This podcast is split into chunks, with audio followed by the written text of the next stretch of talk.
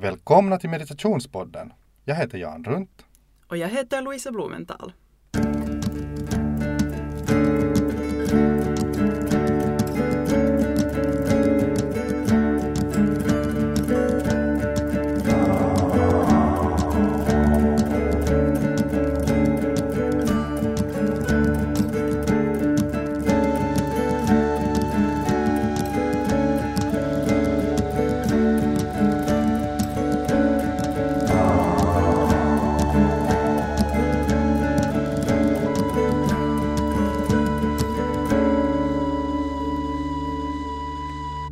Välkomna igen till ett avsnitt och idag så ska vi prata om gunas.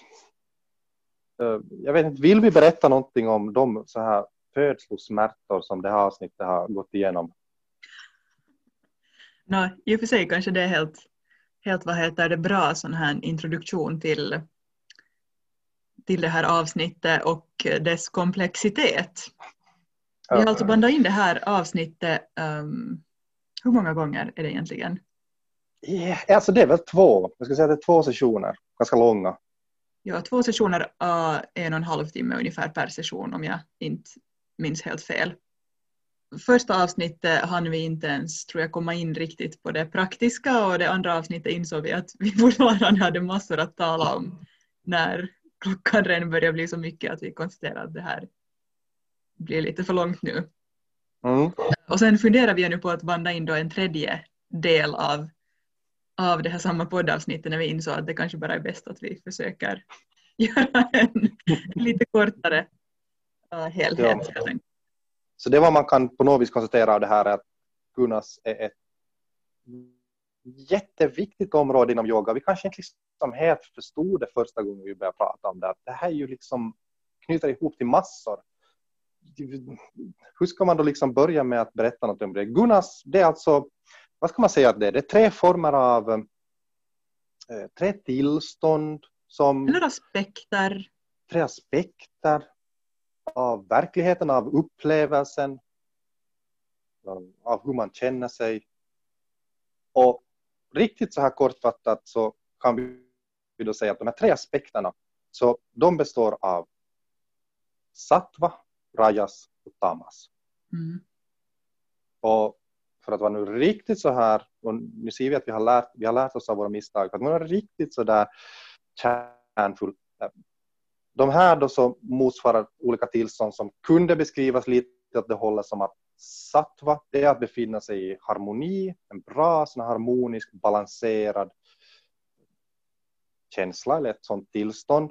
Eh, rajas är att vara en sån här mm, frustrerat, verksam, lite aggressiv, lite uppstressad eh, känsla, ett sånt tillstånd. Och tamas är passivitet, eh, slapphet, tungsinthet, eh, sånt som på något vis också lite så här förstör eller sakta men säkert äter upp ens liv, verkligheten. Vi är redan flummiga. Men skulle du säga att det här går att skriva under? Det här skulle vara liksom de här tre olika Ja, principerna, så är väldigt kort. ja, absolut. Är det, är det bra om vi börjar från... eh, nå, ja, det blir nu svårt igen att konkretisera tillräckligt snabbt. Men va- varför, varför är det här viktigt för en yogi att veta om eller är det här viktigt för en yogi att veta om? Ja, no, det är just det som jag tänker att, att det där, att det var kanske det vi upptäckte när vi höll på här och pratade i så många timmar om det tidigare. Nu ska ni vara lyckliga att ni inte behöver höra det. Men, men att, att väldigt mycket i yogan, jag menar yoga som begrepp som vi har pratat om tidigare, så handlar väldigt mycket om det här, den här en balans, att hitta en, en balans och en enhet, en harmoni. Och, och det på samma gång har väldigt mycket att göra med att att hitta den här sattva gunnan, att hitta det här sattva tillståndet. Och, och genom att på olika sätt förstå att vad är tamas och, och vad är rajas och vad kan de här för, ha för olika inverkan och funktion i ens liv. Att sen med hjälp av yogan hitta till det här sattva tillståndet, sattva balansen, sattva harmonin. Och, och, och att hur gör man det inom yoga, det är kanske det sen då som, som för oss blir lite mer så intressant i detalj. Att mm. Vad är det som vi kan säga att, att leda till en sån här utveckling när man använder sig av yogiska metoder? Hur ser det här nu ut i, för det första, hur ser det då ut i vardagen? Va, på vilket vis är Gunnars ett, ett så nyttigt koncept för att beskriva saker som man helt upplever i sitt riktiga liv? För att sen mm. gå in på att hur försöka sen yogan förändra det här och, och få liksom en komma in i lite annan Gunnar än vad man vanligtvis är. Ja, absolut. Ja, vad, vad, vad, har vi för glädje till exempel av att, att kunna säga att någonting är tamas? Vad är, vad är det överhuvudtaget som är tamas egentligen? Den här mest så här passiva, den tungsinta, så här på något vis tröga. Och du sa också delen. det här med att det äter upp en inifrån eller någonting ditåt. Alltså ja, jag försöker man skulle kunna tänka att det är destruktivt eller något sånt. Precis, ja. No, jag gissar att de, de allra flesta har någon upplevelse av vad det betyder i deras liv. Um, mm. Om inte sådär att, att man nu låter det blomma ut så i alla fall en, en känsla av att det finns där och liksom finns som en, vad ska man kalla det, en, en kraft som verkar i ens liv. Sen tror jag det är väldigt personligt just hur mycket folk ger det utrymme. Men, eh, men om man talar om den, den känslan av, av apati som kan infinna sig om man känner sig slö eller trött eller um, med risk för att låta moraliserande, men känslan man har om man bara vill liksom sova sent, sen sätta på en Netflix-serie och äta chips hela dagen. Inte göra någonting annat. Och det här låter nu kanske för någon som att det här är liksom en helt idealisk semesterdag. Och det kanske det kan vara också liksom, någon viss mängd. Men säg att det här börjar dominera ditt liv. Och du vill verkligen, liksom, du hittar inte motivation för att göra någonting. Och det här blir en destruktiv grej. Och liksom ingenting smakar längre. Då ska jag säga att det är Damas absolut som är i, i verkning där. Och det här är lite kanske just det här destruktiva hos Tammas, att förr eller senare så övergår det från att bara vara en sorts liksom, lite så här rent och myspys, man tar det lugnt sorts livsstil, till att, till att det faktiskt blir längre och längre till sådana saker som du kanske också skulle vilja ha där i livet.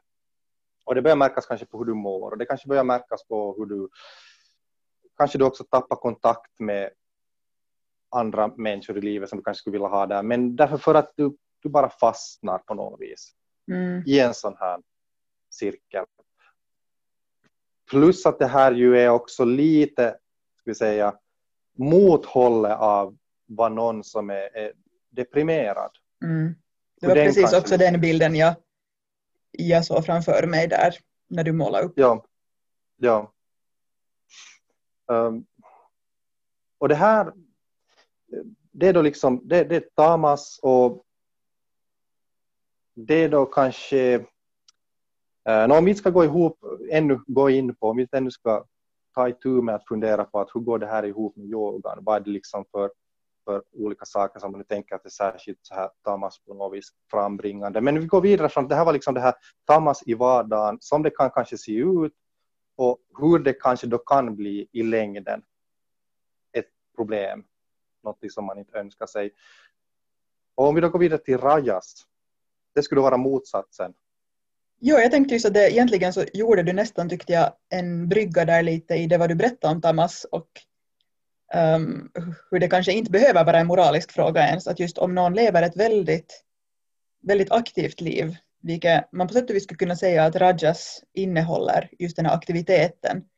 Men det kanske inte är en, en harmonisk aktivitet utan en lite så här frenetisk eller uh, superambitiös, liksom som gränsar till stress och hetsighet.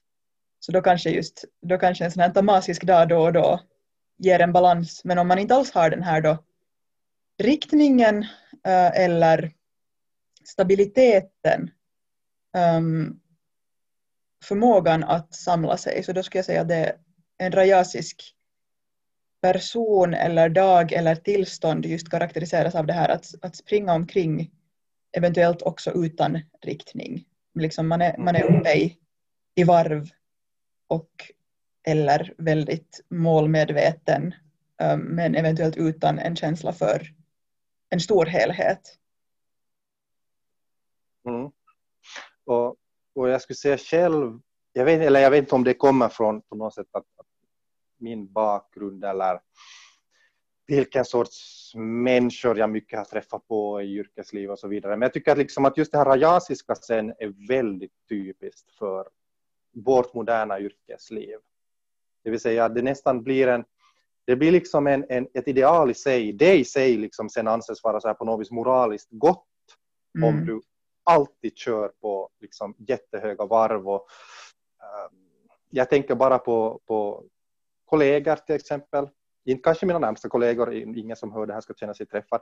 Men människor som jag har hört på min sådär, äh, arbetsplats, mitt dagjobb, äh, det där inom utbildningsadministration, som, som till exempel pratar om det här att, att de, tar, de äter ingen lunch, de hinner aldrig ta någon lunch. De, de kanske dricker en kopp kaffe vid lunchtid och så jobbar de på. Så kanske de jobbar till klockan sex på kvällen och har startat klockan sju på morgonen och så är de nu glada om de orkar äta någon middag. Liksom att det blir en, det blir en, en sån här cirkel av ständig stress och ständig egentligen så här överaktivitet. Mm.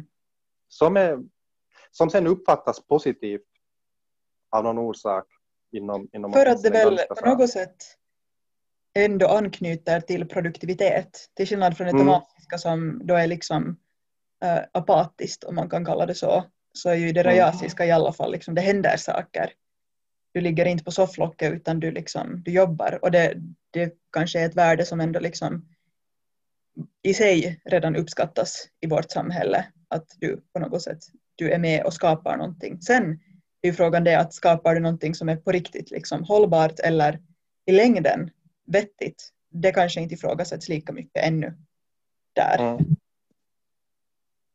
Och, och som du, precis som du nämnde, eller ja, vi kom in på det egentligen båda två, just det här med att, att sen kan det ju vara att jag menar om man har haft en del rajas och sen vill ta ut liksom lite så här balans eller, eller liksom tycker att det sen är kiva att falla in i lite slapphet en så här begränsad period. Så då kan det kanske ännu vara en helt, vad ska vi säga, det kan vara en sån här helt ofarlig växling mellan, ibland så kör man på med lite hårda varv, men sen så tar man det riktigt lugnt och man, man liksom slappar och, och, och återhämtar sig. Och det kanske sen igen, om det just är så att det, det blir en sån här bra växling mellan de här två, så det kanske, det kanske funkar helt bra. Det kanske funkar till och med långa tider helt bra, om faktiskt har den här balansen. Men det som jag tror själv att, att ändå är ett fenomen så är det att, att det blir hemskt mycket av, av rajas för att det just uppfattas som så, så positivt och eftersträvansvärt och kanske till och med uppfattas som ett tvång, liksom så här, en, en förutsättning för att du ska, du ska duga på ditt jobb. Att alla där är på det här viset och du måste också vara sån. Och då blir det kanske så att trots att du skulle ha, låt säga du skulle vilja på, på, på din lediga tid, göra någonting som du jättemycket tycker om att göra, engagera dig, kanske du har barn och du skulle vilja göra någonting roligt med dem, då kan det börja bli så att, att den här växlingen mellan rajas, som du då måste, kanske känner att du måste, obs, det kan aldrig vara ett helt faktiskt tvång, men alltså du kanske känner att du måste uppehålla den här rajas. Och sen som tar det sin, sin liksom, det tar, tar ut sin rätt på det viset att det sen växlar i tamas du liksom helt enkelt bara kollapsar helt i så här utmattning och trötthet när fast arbetsveckan eller arbetsdagen är förbi. Alltså fast de här verkar väldigt olika, Tamas och Rajas, i sina uttryck, så på något sätt kommer vi fram till att de ändå har någon gemensam faktor och den är att det i längden inte kanske är en jättehållbar ett hållbart sätt att leva ett liksom stabilt eller och nu sa jag det nästan redan svaret på min fråga som skulle vara att vad är, vad är, liksom då, vad är det här då som vi strävar efter? Vad är, det, vad är det alternativet till det här? Eller kanske inte enda alternativet men vad är det vi i alla fall ibland vill ha som del av vårt liv så att det inte bara kollapsar liksom i en, ja, i, ett, i en katastrof. Ja. Och det är väl just det att där är svaret satt, va? Det vill säga den här balansen mellan de två. Inte bara det att man växlar från det ena till det andra och sen på något sätt alltid hoppas att kanske jag nu får tillräckligt av den här då motvikten, det här liksom det här totala fallande ner i, i tamas. Eh, så att jag sen igen orkar upp till den här rajasnivån. Utan att man istället närmar de, här, liksom, närmar de här två sidorna mot varandra. Man gör den här aktiva sidan mera, ska vi säga, eh, kontrollerad, mera inom de gränser som faktiskt känns bra för en själv. Och också då den här, ska vi säga, den här rekreationssidan, den fria tiden, den tiden man har möjlighet att göra sånt som man verkligen vill göra. Gör också den tiden till en sån vad man sen har kvar och man kan göra saker som är, är givande för en själv. Om vi nu tänker som så att vi funderar nu på den här balansen mellan arbets och fritid. Och, och just åstadkommer det här genom att ha, ha en, en, en harmoni som då är den här sattva, det vill säga en passlig mängd av aktivitet. Eller ska vi ens säga aktivitet? Ja, jag tänkte just att, att, för att det nu inte ska låta som att sattva är liksom är på något sätt um, kontentan av tamas och rajas tillsammans så liksom kanske det skulle vara bra att vi, alltså vad, vad är sattva? Det är harmoni men det är väl också liksom, skulle man kunna säga att det är någonting som är på sätt och vis uppbyggande eller sådär jag, jag drar mig från att använda ord som gott eller liksom bra. Men alltså det, det är helt enkelt någonting som, som är konstruktivt i ens liv. Någonting som har en, en liksom um, en gynnsam effekt. Och alltså som är ett tillstånd av om, om Tamas är liksom är den här tröghetens på något sätt tyngd och um, trubb, avtrubbande av sinnena och, och ens liksom energi och, och rajas är det här att man bara flänger omkring som, liksom, som en skållad råtta. Så är liksom sattva är det här definitivt liksom, det finns ett aktionspotential men det finns också en riktning och det finns en klarhet. Så om, om sattva då är klarhet, är det inte där vi då kommer in på på den här besläktade, eller vad ska vi säga, släktskapet med och varför det är relevant för någon som är intresserad av yoga eller meditation. Mm. Ja, absolut. Det där... Ähm, Ja, jag, jag bara tänker på just det här du sa om hur du beskrev sattva. Det är ju egentligen...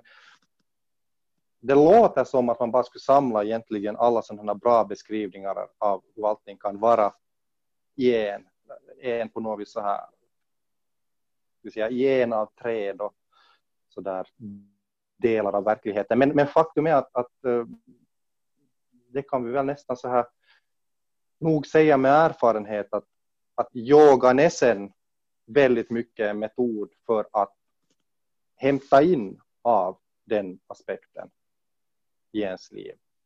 Om vi då tänker att yoga och målet med yoga i princip är en um, slags integrering eller att uppnå en känsla av, eller inte en känsla, men att uppnå en, en djup integrering med alla sina aspekter och med allting runt en. Vad exakt för konkreta saker kan då den här definitionen av um, att dela upp både upplevelser men också då um, faktiska saker i oss och runt oss mm. i de här tre aspekterna, tamas, rajas och sattva.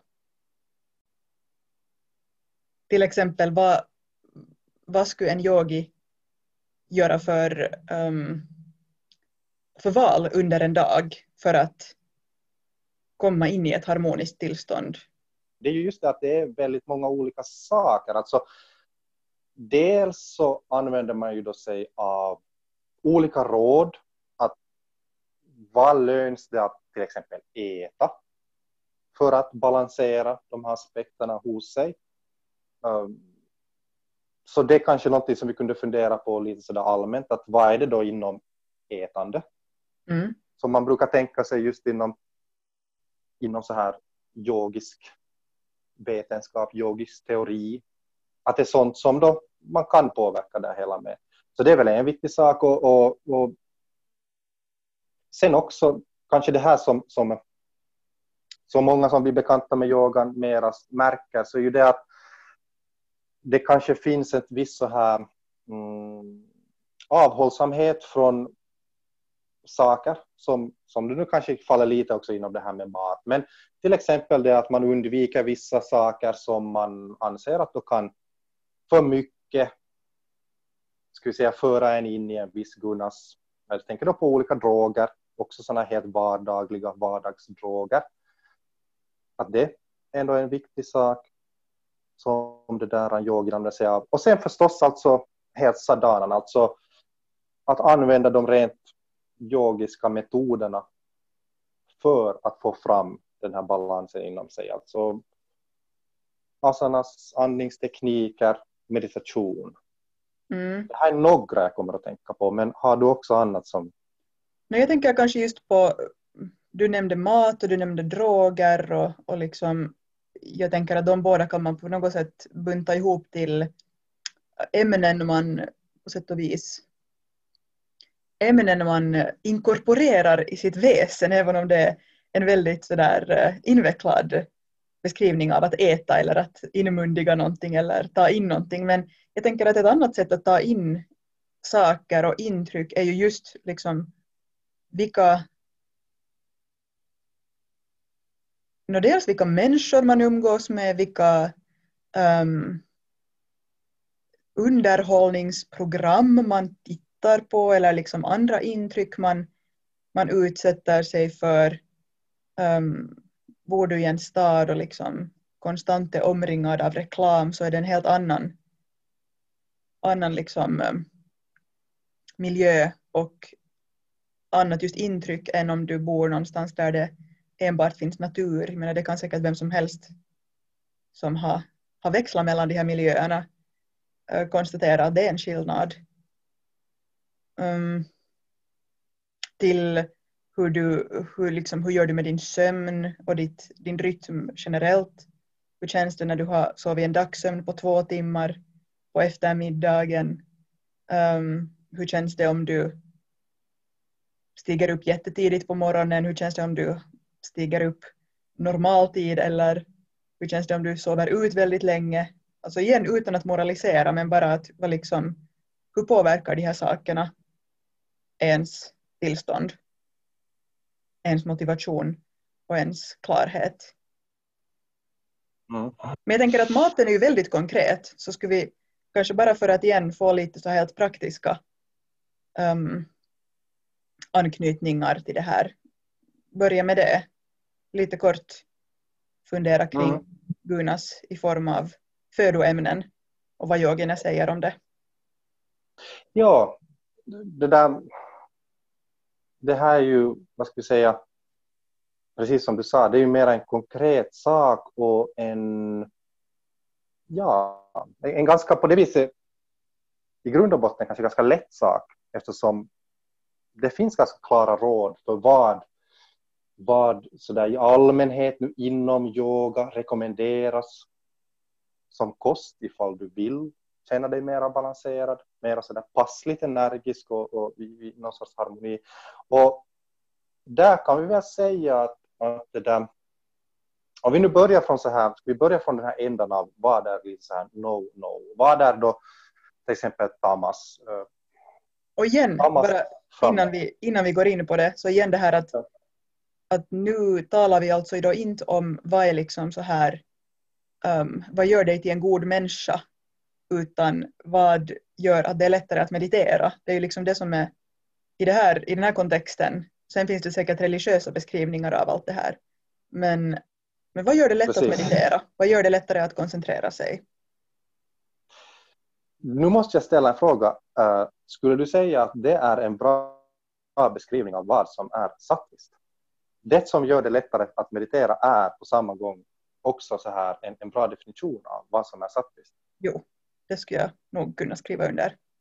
Yep. Ja, men det, det där, jag tycker det är ganska bra, för det där är också det där är en väldigt yogisk eh, beskrivning av det, men, men en som kanske just gör det ganska klart. Mm. Det som för dig närmare en harmonisk känsla, så att du också då skulle kunna gå ännu djupare in i den med hjälp av meditation. Så det är satt där, om vi nu tänker på tamas då, för att börja i den ändan, och precis som du sa, nu är tanken mera det här tamas, inte heller riktigt liksom sådär klassiskt hälsomässigt, även om de då ganska mycket nog går hand i hand. Jag menar, om vi tänker på rent klassiska tamasiska saker så är det ofta så att de inte heller är så där riktigt som din kanske så här kostrådgivare skulle säga. Det är eh, tung, eh, vad ska vi säga, tung, alltför fet uh, mat, så här långt processad så att de här, vad ska vi säga, den naturliga näringsämnena har blivit väldigt förstörda genom allt för så här hård tillagning, för mycket det där, um, ja, processering. Det, det, liksom, kämd mat, ja. Klassiskt sett, och det här kunde vi också nämna att det finns ju sen också så här lite säga, klassisk teori, så brukar man också tänka sig att, att återigen uppvärmd mat. Mm. Så, så brukar höra till det. Men det är, väl liksom, det är just lite det här att om du har hållit på att processa den, du har liksom förlorat väldigt mycket av de här ursprungliga näringsämnena som finns där. Så det är mest så att du, det vad du får i dig är ganska mycket tomma kalorier, mycket då fett, eller det behöver inte alltid vara fett, men jag menar tomma kalorier och fett och så här. Sånt som gör att du bara blir dest, trött, slö, har du så här helt konkreta bra exempel? Nu tycker jag ändå jag tänker typ på, på, vad heter det, snabb mat från alltså någon sån här riktigt um, riktigt, um, vad heter det, alltså så här industriell snabbmatskedja. Tänker jag att mm. man skulle kunna liksom sätta in under en tamasisk kategori ganska lätt. För där har du mat som både antagligen är långt ifrån ekologisk, det vill säga det kanske finns bekämpningsmedel eller annars bara det har liksom odlats i en utarmad jord. Det här är nu igen ett antagande. Um, men sen har den dessutom transporterats långa vägar så den är knappast jättefärsk. Sen har den dessutom doppats i diverse frityroljor och um, ja, är helt enkelt inte kanske näringsmässigt jätte sådär upplyftande längre.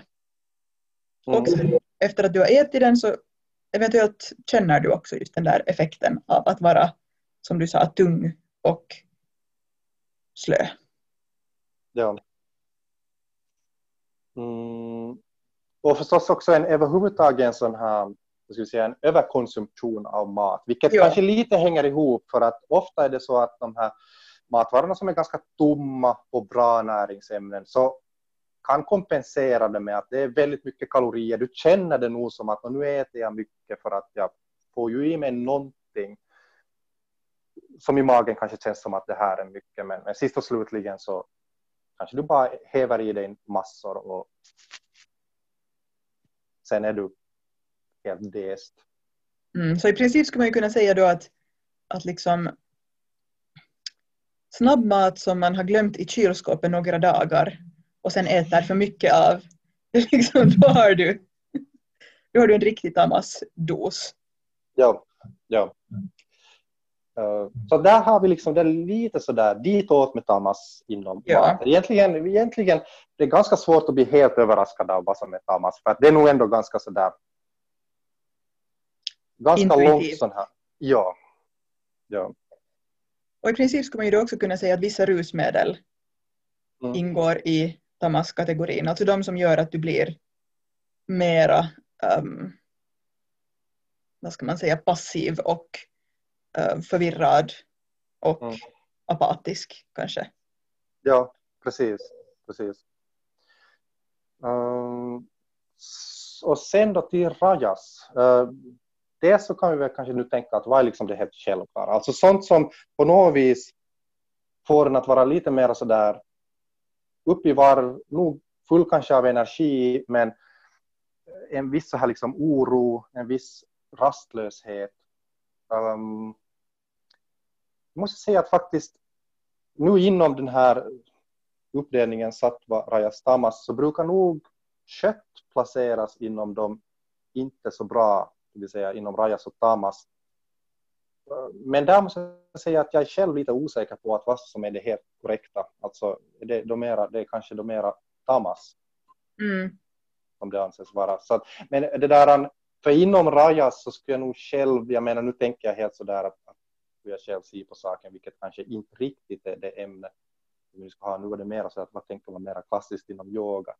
Men det där, uh, men en, en väldigt stor ett, ett överdrivet proteinintag, det är kanske det att det här blivit ett modernt problem. Det, det finns kanske inte riktigt inom klassisk yoga på det viset, för att det har inte funnits en riktig så historia av möjlighet till ett överdrivet proteinintag. Eh, men jag skulle personligen kanske säga att det här är en sak som kunde höra till Rajas. Men vi låter oss gå vidare, jag, jag flummar ut här, det blir lätt så här med det här ämnet. Vad är mer så klassiskt Rajas? Chili är väl en riktigt typisk rajasisk maträtt, eller inte maträtt, men ingrediens. Precis, sant. Uh, jag tror att starka kryddor överlag brukar mm. liksom klassas där och där är förstås chili kanske den som då är, bland dem så den mest framträdande. Uh, det, sen, som du, ja. det som du nämnde någon gång, jag minns inte vad det nu eller var det i något tidigare avsnitt eller bara i några diskussioner vi haft annars, men kaffe. Ja, absolut. Kaffe. Och förstås, jag menar, där har vi ju också så här helt, som nu inte man kanske räkna som vanliga matvaror, men illegala droger som absolut hör till, till Rajas-sidan. Som är, alltså alla uppiggande så här stimulantia. No, alltså nikotin som ju då är helt lagligt och allmänt. Och det är ju lite som som du sa med köttet, att vart det nu sen hör, för att samtidigt kan man ju fråga sig att, att just för stunden någonting som piggar upp kan ju göra att man på lång sikt blir avdominad och slö, så vart det sen egentligen kategoriseras kan man debattera om, men, men absolut. Mm. Uh, och sen alltså det här, de här stötestenarna som, som vi då flera gånger har funderat på, men som till exempel min lärare var väldigt noggrann, som min då, så här gamla indiska munklärare. Lök och vitlök. Mm. De anses då inom just så här klassisk yogisk teori vara väldigt så här starkt stimulerande. De sätter igång sådana energier inom en och väcker rastlöshet.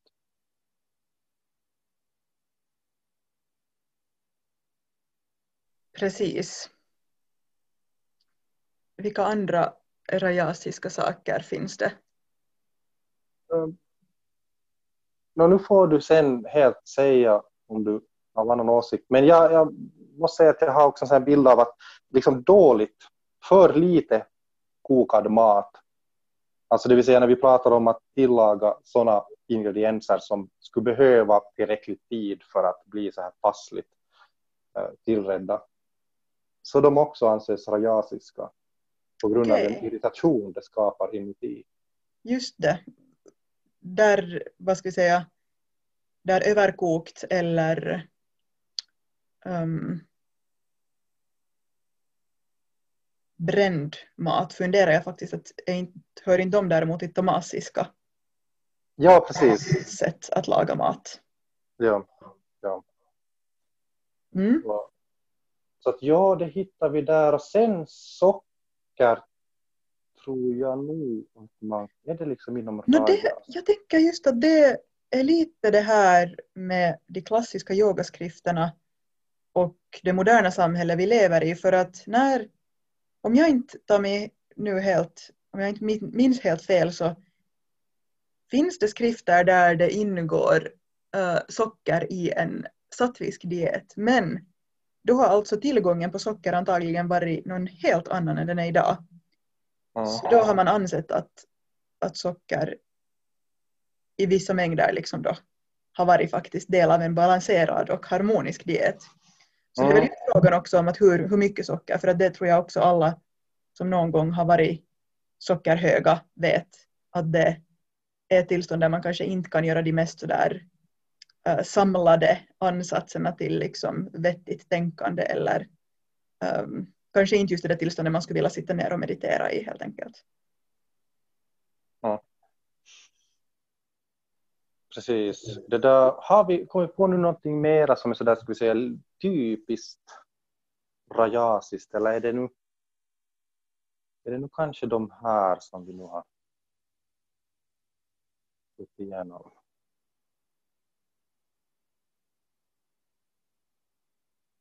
Jag tror det är, lite, jag tror det är ungefär det här. Så att frågan är det att vad är sen sattvisst? Det är en mycket viktiga fråga. Nu har vi gått igenom sånt som, som man då helst ska försöka undvika.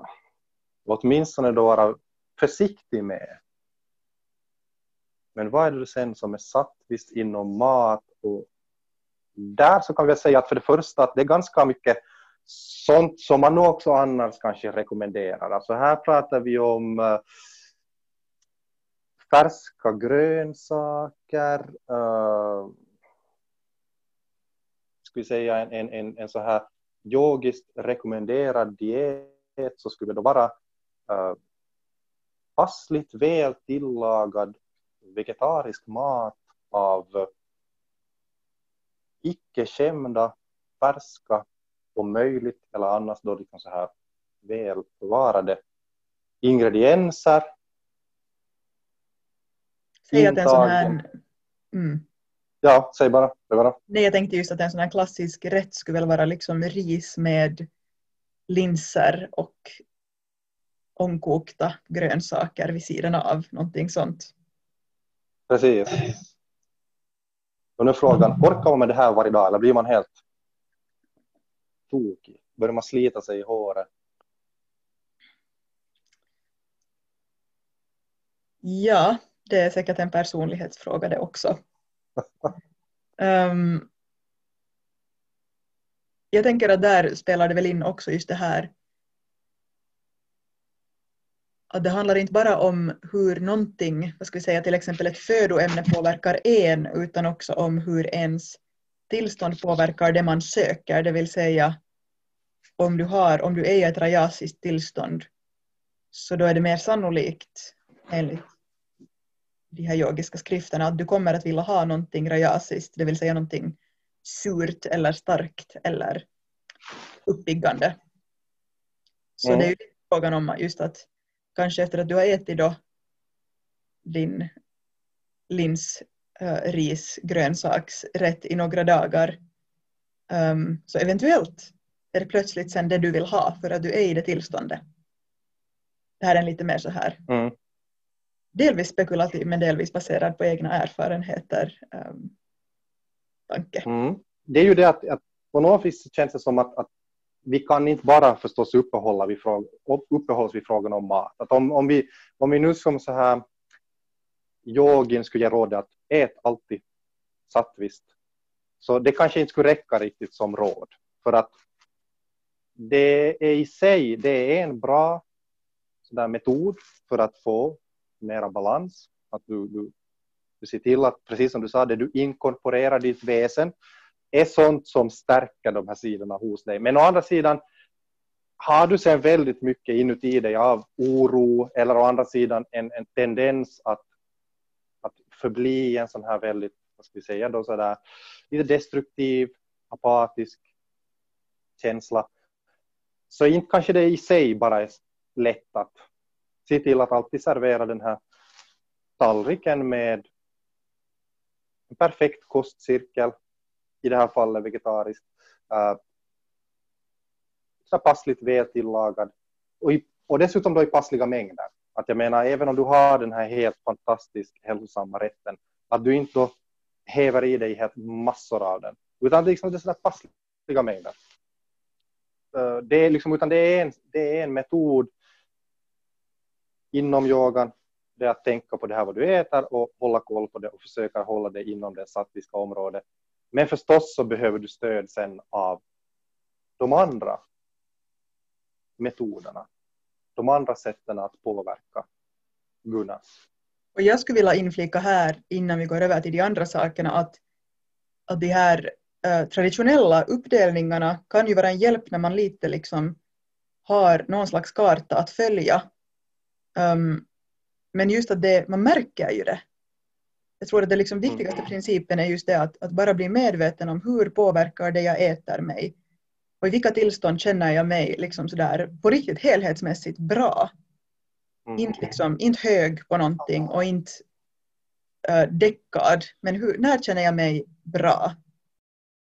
Det här är ju på samma gång mycket det som, som nu för tiden under andra namn blir allt mera, jag vet inte trendigt, men, men ska vi säga att eh, sådär, eh, rekommenderas. Alltså just det här att man håller koll på hur olika saker som man då antingen just sätter i sig eller upplevelser eller handlingar man gör, att hur det, hur det påverkar en och att man sen lär sig av det för att då av det uppnå en liksom, ja, ofta kanske det har använts inom träning, hur man uppnår det bästa resultatet eller så här bästa balanserade hälsa. Men jag tycker att där, där förtjänar faktiskt yogan kredit för att man har haft det här tänket där väldigt länge.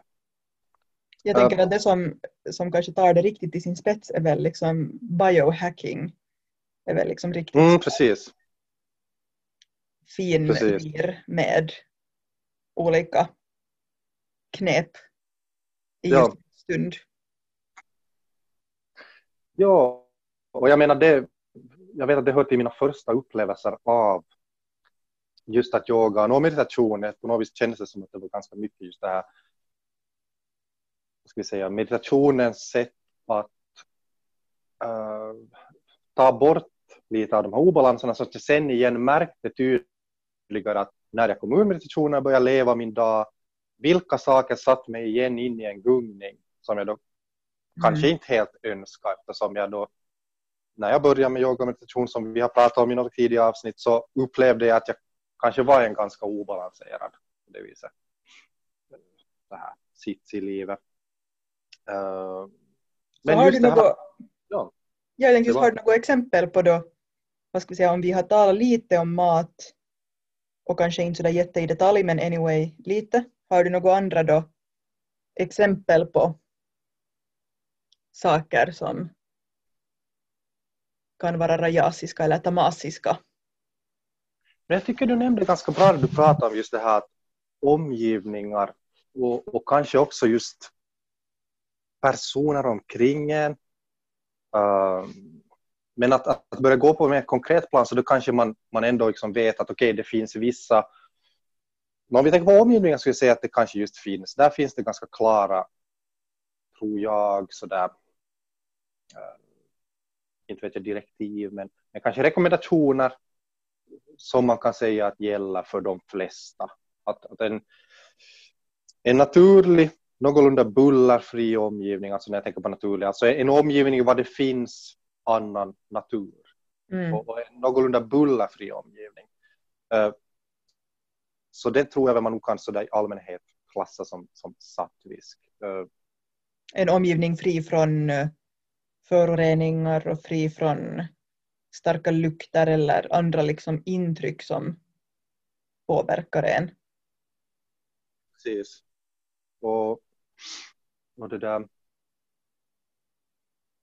Där finns ju kanske så där, det finns hos yogan kanske en klassisk aversion mot stadens sus och dus.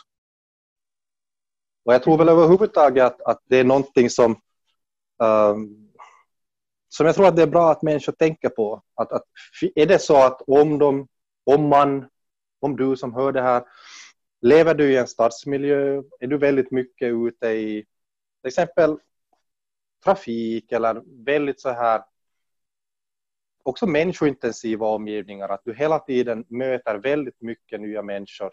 Eller å andra sidan sen utsätts för ganska stressiga intryck. Just som du nämnde, alltså reklamer, att det blinkar en massa bilder av vad du egentligen skulle borde göra, som kanske inte är det som du innerst inne känner att du nu skulle vara så jätteintresserad av.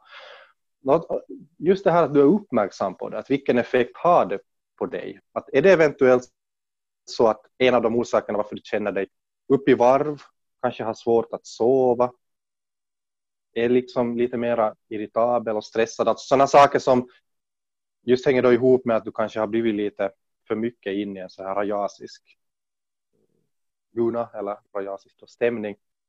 Kan det hänga ihop med bara den miljö du har omkring dig? Och kan du, kan du påverka det? Har du möjlighet att, att välja fast bara en... Jag tänker på mig själv när jag tar mig till mitt, till mitt dagjobb inom utbildningsadministration. Så eh, då tänker jag ganska mycket på vilken väg jag far till jobbet. Vill jag ta mig just längs med de stora trafiklederna som kanske skulle vara den allra rakaste vägen eller offrar jag några minuter, det kan till och med vara lite mera, för att ta mig via lite mera så här natursköna omgivningar. Finns det någon park som jag kan fara igenom? Att man tänker på sådana här saker, för redan det att man tillbringar en, en liten stund i en sån omgivning var det är lugnt, var det finns annan levande miljö, alltså det finns natur. Det finns kanske hav om du råkar bo på ett sådant ställe var det finns vattendrag av olika slag. Ganska, en ganska kort stund redan så kan göra en, en, en helt påtaglig skillnad för hur du känner dig. Att om du får en mera, en mera så här avslappnad, mera lugn och bra känsla inuti. Mm. Så jag tror att, att det är väl det är väl kanske en så här ganska vardaglig grej.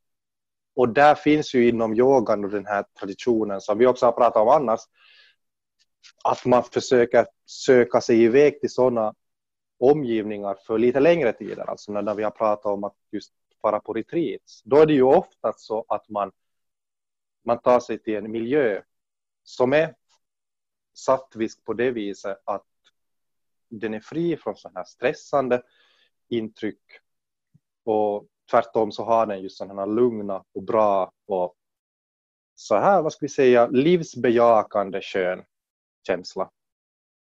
Det vill säga, det här betyder i praktiken oftast att det är, det är nära naturen.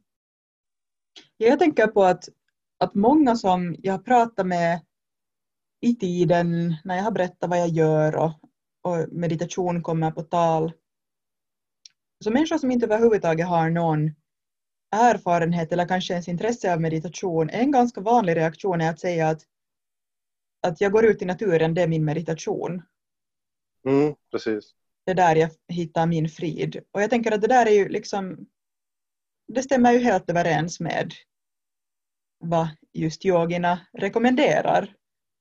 Sen ja. sak samma vad man kallar det, men liksom det är helt tydligt att, att, att vara i naturen, det i sig har en effekt av att på något sätt skapa en, eller ta en in i ett mer harmoniskt tillstånd. Och jag tänker att det, det som jag märker på basen av att jag har bott mycket både ute på landet och i stan är den här skillnaden som är starkast när man kommer antingen från stan till landet eller från landet till stan. Sen, sen liksom i, i något skede så slutar man lägga märke till det, men särskilt när jag kommer från landet in till stan så kan jag känna mig jätteöverväldigad av alla intryck. Och som vi redan har nämnt, de här reklamerna som finns överallt, blinkande skärmar och ljus och ljud. Och det tar några dagar och sen är jag avtrubbad, sen märker jag inte dem längre. Och jag tror att det där är en liksom försvarsmekanism som man nästan naturligt måste få igång för att kunna överleva. För det där tillståndet just som jag kan ha några timmar eller några dagar när jag kommer från landet och ännu är, är känslig och öppen, det är jättejobbigt. Det är liksom som att allting bara faller på och kommer jättenära och, och verkligen liksom kan rubba en. Jag tror att det är därför också som sen på motsvarande sätt om någon som, som bor i stan kommer ut till landet ibland så säger våra gäster om de har sovit, har haft turen att sova en bra natt brukar säga liksom det är helt otroligt, allting är så tyst. Det är, liksom, det är mörkt och det är tyst och det händer ingenting. Och det på något sätt ger en, en stillhet som, som sen såklart också påverkar det inre. Men räcker då det här? Att, liksom att, att räcker det bara helt enkelt, är det som vi, vi nu vill rekommendera att människor helt enkelt bara att man ger sig ut i naturen? Alltså egentligen så skulle man väl kunna ge det som ett råd. Jo, men inte det är ju alla som har möjlighet till att vara i naturen hela tiden. Inte det alla heller som har möjlighet att leva ett liv där de um, inte jobbar i stan till exempel. Mm. Och sen kan man ju också fråga sig då att ingenting. Man behöver inte fråga sig. Man behöver inte fråga sig någonting alls. Oj, Jesus. Uh, ja, men om jag hakar på där någonstans vid just det här om att, om att alla inte nöjda. Nej, och jag tänker just som så att, att det är lite samma sak som när, när, vi nu funderar på det här med, med maten och vad man tar i sig. Att, att uh, inte kan man kanske preskribera det heller, att det är det enda du gör. är ett bara sattvist och så blir allting bra. Utan man kan tänka sig att det är ännu en pusselbit. Försök få in av naturen kanske minimera onödigt uh, våld liksom, och uh, skräck och um, uppeggande innehåll som gör att du får en känsla av rastlöshet eller oro eller um, icke-fokus. Om inte man har sett baksidan av till exempel en rajasisk livsstil, alltså det är lätt att, att kanske tycka att allting känns jättehäftigt när allting går bra och du kan just du kan göra lång, extremt långa dagar och dina nöjen kan vara jätte så här adrenalinstinna. Eh, det är kanske just det att, att sen måste man då inse att det finns en viss risk att det finns en, att det, kommer då en sån här att det kommer den här motpolen, att Raja slår över i Tamas. Och det är ju överhuvudtaget någonting som man kanske ser sådär när man läser om människors uppvaknande till att varför ville de börja med låt säga yoga eller meditation, alltså yoga och meditation, eller någon annan form av så här välmående metod.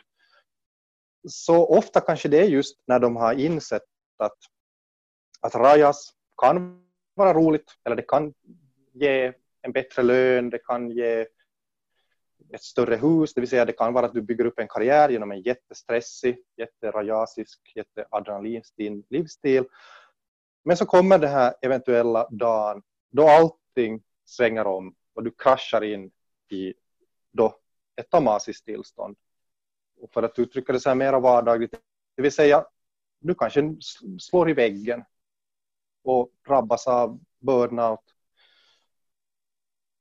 total utmattning det är ju den här extremformen att när vi tidigare någon gång pratade just eh, här då i början av, av, av avsnittet om en sån här ofarlig växling mellan Rajas och Tamas.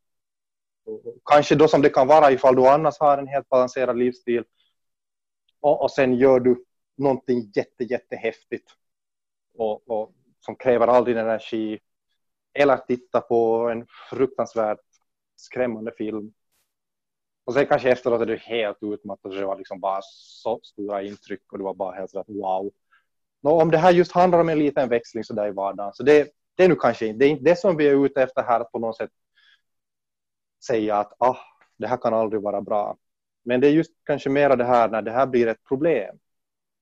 Och igen om vi talar om det i perspektivet att, att vad hjälper i din livsstil dig att kunna meditera? Precis. Så, då är det här den, den skrämmande filmen just innan du ska sätta dig ner till meditation till exempel inte vårt bästa råd. Mm. Så vad är vårt bästa råd då? Igen, utan pekpinnar, ett sånt här, uh, den, vad ska jag säga, Jans idealiska sattviska dag. Uh, för det första så, så kör jag då nog med, med jag kör med vegetarisk, jag råkar nu vara vegansk, men, men det vill säga jag är inne på grönsakslinjen när det gäller mat. Så att det är en sak då som, som jag skulle säga check. Det andra så är då det att nu lever vi i en väldigt speciell tid, vi lever i den här coronatiden. Så jag har faktiskt för tillfället möjlighet att uh, jobba på distans och dessutom då möjlighet att bo i ett hus ute på landsbygden när jag gör det. Och det måste jag säga för min egen del att jag märker jättetydligt. Man glömmer sen, helt som du sa, att man glömmer sen att wow, vilken stor skillnad det här var. Men jag måste säga att jag tänker på det ganska sådär aktivt varje dag. Hur stor skillnad omgivningen ändå är för mig. Att det där, att tar vi till exempel en dag annars när jag då måste vara på kontoret eh, så befinner sig kontoret ganska sådär centralt vid Helsingfors eh, och, och egentligen vart än man ger sig ut därifrån så tenderar det att vara ganska mycket trafikbuller. Men sen vad annat är så här viktiga komponenter?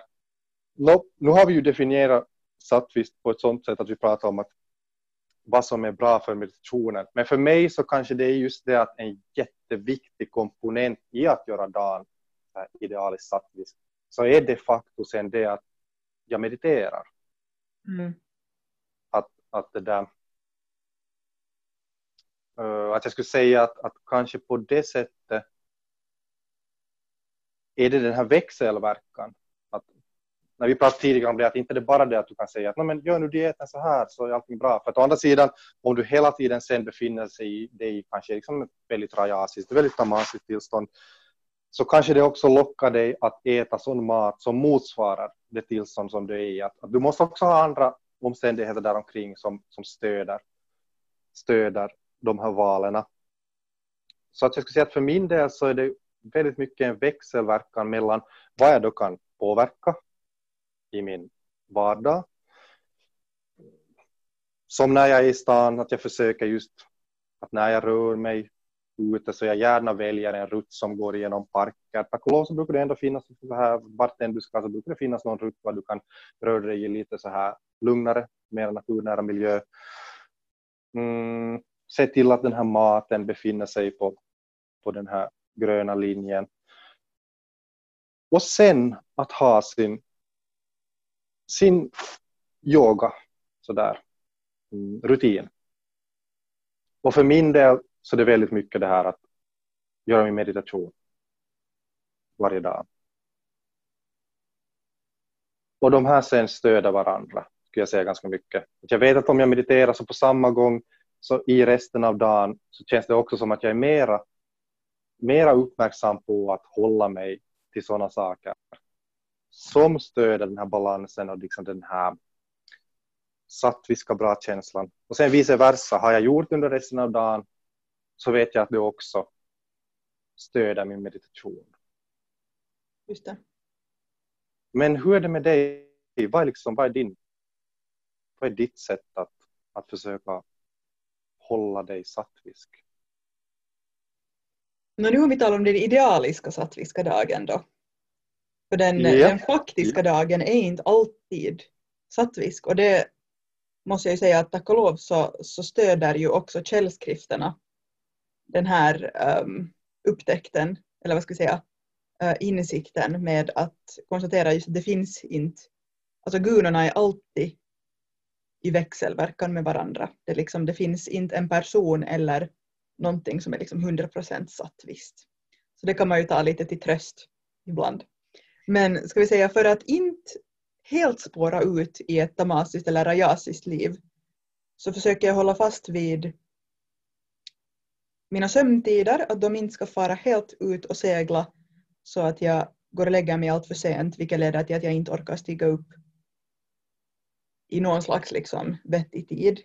Nu när det är vinter och här på det norra halvklotet väldigt mycket mörker så märker jag speciellt här ute på landet att det påverkar min sömncykel ganska mycket.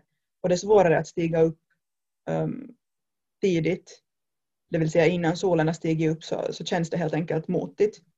Och det funderar jag ibland på att ha, har de här uh, indiska yogierna liksom några råd att komma med eftersom de ju har haft lite andra, andra betingelser där. Där om man tittar på den, den vad ska jag säga, traditionella klockan så, så brukar man rekommendera att gå och lägga sig innan klockan tio och stiga upp på morgonnatten ungefär senast klockan sju. Um, klockan fyra till sex är ungefär en bra tid enligt den indiska klockan, så vitt jag nu kan minnas. Men som sagt, jag försöker nu i alla fall att, fast jag nu inte följer eventuellt de här idealen helt varje dag, så då liksom försöka hålla någon slags rutin på sömnen. Sen, eh, jag äter också vegetariskt. Men eh, där måste jag säga att det är så länge sedan jag har ätit kött så jag kan faktiskt inte ens längre minnas på det sättet hur det skulle vara hur det skulle påverka mitt tillstånd. Men det är nu liksom det är mer en vana vid det här laget. Um, I bästa fall så, så är mitt användande av social media begränsat till en konstruktiv nivå, det vill säga jag upplever att social media är någonting som är starkt både tamasiskt och rajasiskt. Det får mig att bli väldigt så här um, passiviserad och samtidigt kan jag bli jätteagiterad av det eftersom man får en massa intryck och saker som kan göra en upprörd eller orolig och man samtidigt så sitter man bara och stirrar på en skärm lätt liksom en lång tid utan att faktiskt göra någonting. Så det i bästa fall kan jag ägna en inte så stor del av min dag till. Um, samma med övrig skärmtid märker jag att det känns som att det inte direkt gör mig jättegott men där på grund av som du säger att vi lever i lite särskilda tider just nu så är det i viss mån ett nödtvång också att sitta framför skärmen. Men eftersom jag också har turen att bo på landet så, så kan jag också gå ut och försöker också få in det åtminstone liksom en gång per dag, gå en riktigt så här um, medvetet liksom ut, inte bara på grund av att jag måste göra någonting utan också bara gå och möta vädrets makter. Mm. Det gör gott. Och sen som du säger yogan och meditationen. Men så den liksom, som du säger, det, man kan inte separera någon tycker jag av de här aspekterna från varandra. Det är inte liksom som att någon av, av de här enskilt bär upp ens, ens varande utan det är ju just samverkan mellan alla de här yttre och inre metoderna. Men att mm. visst, visst tycker jag att man i det här skedet redan då jag har ändå levt en stor del av mitt liv um, medveten om de här sakerna, i alla fall mer eller mindre medveten, så börjar jag märka tydligare och tydligare vilka saker, till exempel om jag blir bjuden på kaffe och väljer att dricka en kopp kaffe så märker jag det väldigt tydligt. Att precis som du säger, för mig är kaffe mera som en, en mild medicin. Att ibland är det ofrånkomligen så att natten har blivit dålig och och sen så är man just trött och man vet att oj nej, jag ska ha den här saken som känns liksom jätteviktig. Jag skulle vilja kunna göra det här och inte vara så där dåsig och såsig. Så då, då tar man kanske kaffe, men man gör det just väldigt medvetet. Att liksom mm. att det är skillnaden från det här, det är en rutin som gör att du hela tiden, dels förstås sker det ju en avtrubbning som med alla droger. Om du inte dricker kaffe dagligen så då märker du väldigt tydligt om du tar en kopp. Så du märker väldigt tydligt den här klarnande effekten. Men sen å andra sidan så är nog den här effekten av, av koffein, den är väldigt stark. Den alltså, vad den gör är att den, den hindrar receptorer i hjärnan som är avsedda för att märka uh, att du har behov av vila och sömn. Och nu kommer jag tyvärr inte just nu ihåg vad det här vad det här ämnet heter som då finns i hjärnan som en signalsubstans. Adenosin? Ah, ja, vad bra du kommer ihåg det. Just det, det är adenosin. Och, det där, och vad det som kaffe då gör är att det blockerar de här receptorerna. Så att de, kan, de uppfattar inte alls att nu finns det det här budskapet om att du skulle måste nu vila, eventuellt sova. Eh, så att det är faktiskt, jag tycker att det är en ganska stor kulturell grej det här att, att en så väldigt klart rajasisk och medvetande förändrande drog hör till det som, det som man nu gör till vardags. Särskilt i Finland, för Finland hör till ett av de mest kaffekonsumerande länderna i världen. Så att ja, jag kan tänka mig att för en, en så här icke-yogisk person eller någon som inte ännu har kommit in med det här med att fundera att ska det nu dricka kaffe eller inte så kanske det låter lustigt när vi nu pratar så det väldigt försiktigt om kaffe. Försiktigt om ämnet kaffe. Men ja, alltså, det här hör nog till en av de sakerna som jag, som jag för väldigt länge sedan då har valt att jag förhåller mig mycket sådär sparsamt till. Men sen alltså förstås yogarutinen. Att nu när vi nu pratar om yoga och varför det har att göra med, med sattva så det, det är ju då inte endast det här att du anpassar ditt, ditt vardagliga liv och anpassar din mat. Utan också det att du försöker upphålla, och inte bara försöker, men att, liksom att det här att du skulle kunna ha en, en rutin i yogan. För yogan, yogan i sig är väldigt mycket eh, metoder som man har hittat och märkt att få fram den här sattva harmonin mm. balansen.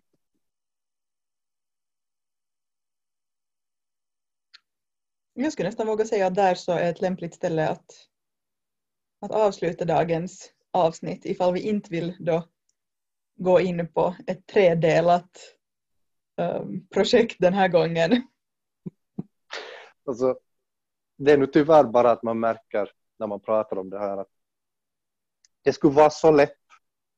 Det skulle vara så lätt att börja dra ut på det i alla evigheter. Men precis som du säger, det är kanske är bra att avsluta det här. Och, och kanske vi en annan gång går in ännu lite mera i detalj på det här att, att varför och vad är det då sen i yogans metoder och kanske mm. vilka metoder?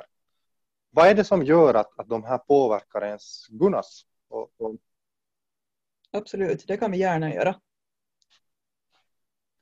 Men vi sparar det till en annan gång. Ja. Och som vanligt, fråga gärna frågor om ni har några. Um, kom med önskemål om det finns sådana. Vi har faktiskt redan fått några önskemål som vi ska ta och agera på i följande avsnitt. Ja, det är faktiskt det är jätteroligt när man blir serverad en sån här fråga eller lite så här utmaning att kan ni beskriva det här bättre? Kan ni förklara mm. det här bättre? För att det gör vi hemskt gärna, om vi bara kan, jag menar. Det, mm. Vi gör vårt bästa. Precis. Men då säger vi väl tack för idag och så hoppas vi att vi hörs i nästa avsnitt. Ja, tack för idag. Hej så länge.